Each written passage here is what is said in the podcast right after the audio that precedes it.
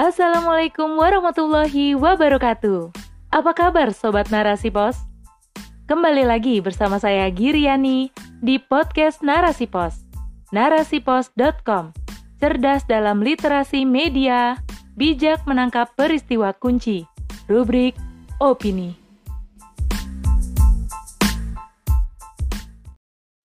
Alih fungsi lahan penyebab banjir berulang oleh Ummu Syafiq. Kali ini bukan banjir biasa, tapi banjir bandang melanda sebagian wilayah Kabupaten Bandung. Miris, sedih, kesal, berkecamuk dalam dada, menyaksikan peristiwa banjir yang selalu berulang, seolah tidak ada solusi yang dapat mengatasi. Dilansir dari kompas.com, banjir bandang telah menerjang kawasan Ciwidey, Kabupaten Bandung pada Senin sore 6 Juni 2022.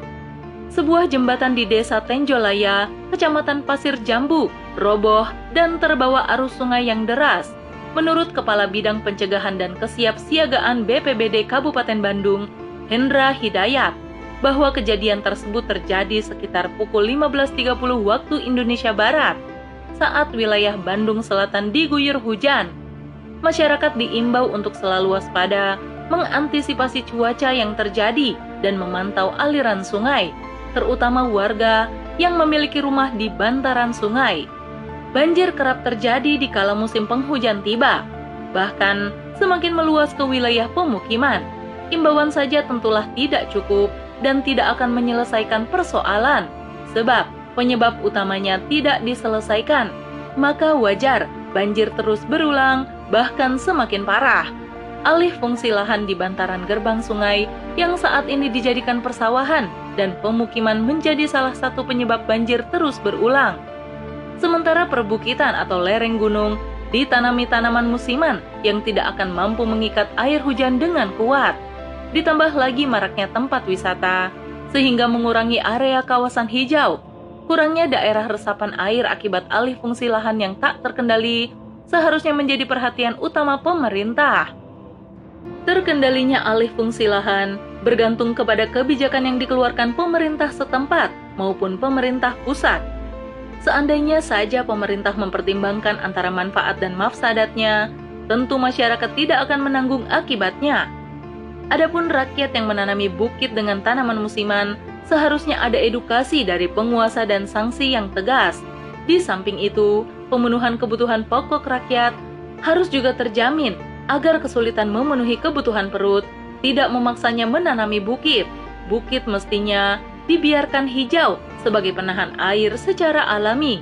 Namun, sulit kita berharap kebijakan pro rakyat kecil di bawah penerapan sistem kapitalisme sekuler.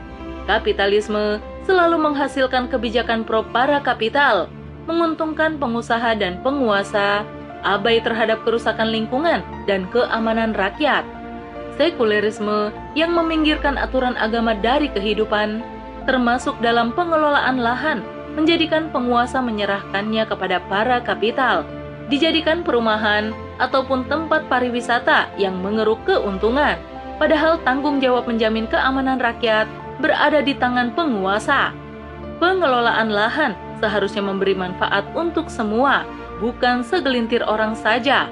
Oleh karena itu, harus ada solusi untuk menyelesaikan permasalahan banjir secara komprehensif, mencakup semua aspek yang terkait. Solusi tersebut hanyalah solusi Islam. Islam mewajibkan kepada penguasa menjalankan syariatnya, serta bertanggung jawab mengurusi seluruh urusan rakyatnya, termasuk keamanannya. Penguasa atau pemimpin umat haruslah berperan sebagai pelayan, pengurus, serta pelindung sebagaimana sabda Rasulullah Shallallahu alaihi wasallam imam atau khalifah adalah roin atau pengurus rakyat dan ia bertanggung jawab atas pengurusan rakyatnya. Hadis riwayat Bukhari. Dalam pengaturan pengelolaan lahan pemimpin dalam Islam mengharuskan menyesuaikan dengan pengaturan Islam. Islam membagi kepemilikan lahan kepada tiga kategori kepemilikan individu kepemilikan umum, dan kepemilikan negara. Untuk kepemilikan individu, negara tidak boleh memaksa untuk dijual kepada siapa pun kecuali dengan izinnya. Sedangkan untuk kepemilikan umum seperti hutan, negara berperan sebagai pengelola yang manfaatnya bisa dirasakan oleh segenap rakyat. Tidak dibenarkan diserahkan kepada pengusaha. Negara pun tidak mengambil keuntungan dari pengelolaan tanah milik umum. Dari sisi fungsi lahan atau tanah, ada yang terkategori tanah pertanian dan non-pertanian. Di sini syariat pun mengaturnya. Tanah pertanian tidak boleh dialih fungsikan untuk kebutuhan lain, sehingga mengurangi kebutuhan akan lahan pertanian. Islam sangat memperhatikan terhadap hasil pertanian, sehingga negara tidak tergantung kepada negara lain. Adapun kebutuhan lahan untuk perumahan, infrastruktur, tempat wisata, dan sebagainya, maka negara akan menetapkan kebijakan skala prioritas yang tidak membahayakan bagi rakyat dan akan dipilih tanah atau lahan yang bukan termasuk lahan pertanian ataupun untuk serapan air. Dengan kejelasan arah pengaturan yang dibimbing oleh syariat, disertai hadirnya penguasa yang menyayangi rakyat, tidak akan terjadi alih fungsi lahan tak terkendali. Sudah saatnya bagi kita semua, hanya Islam yang dijadikan solusi permasalahan, termasuk banjir. Wallahu a'lam bishawab.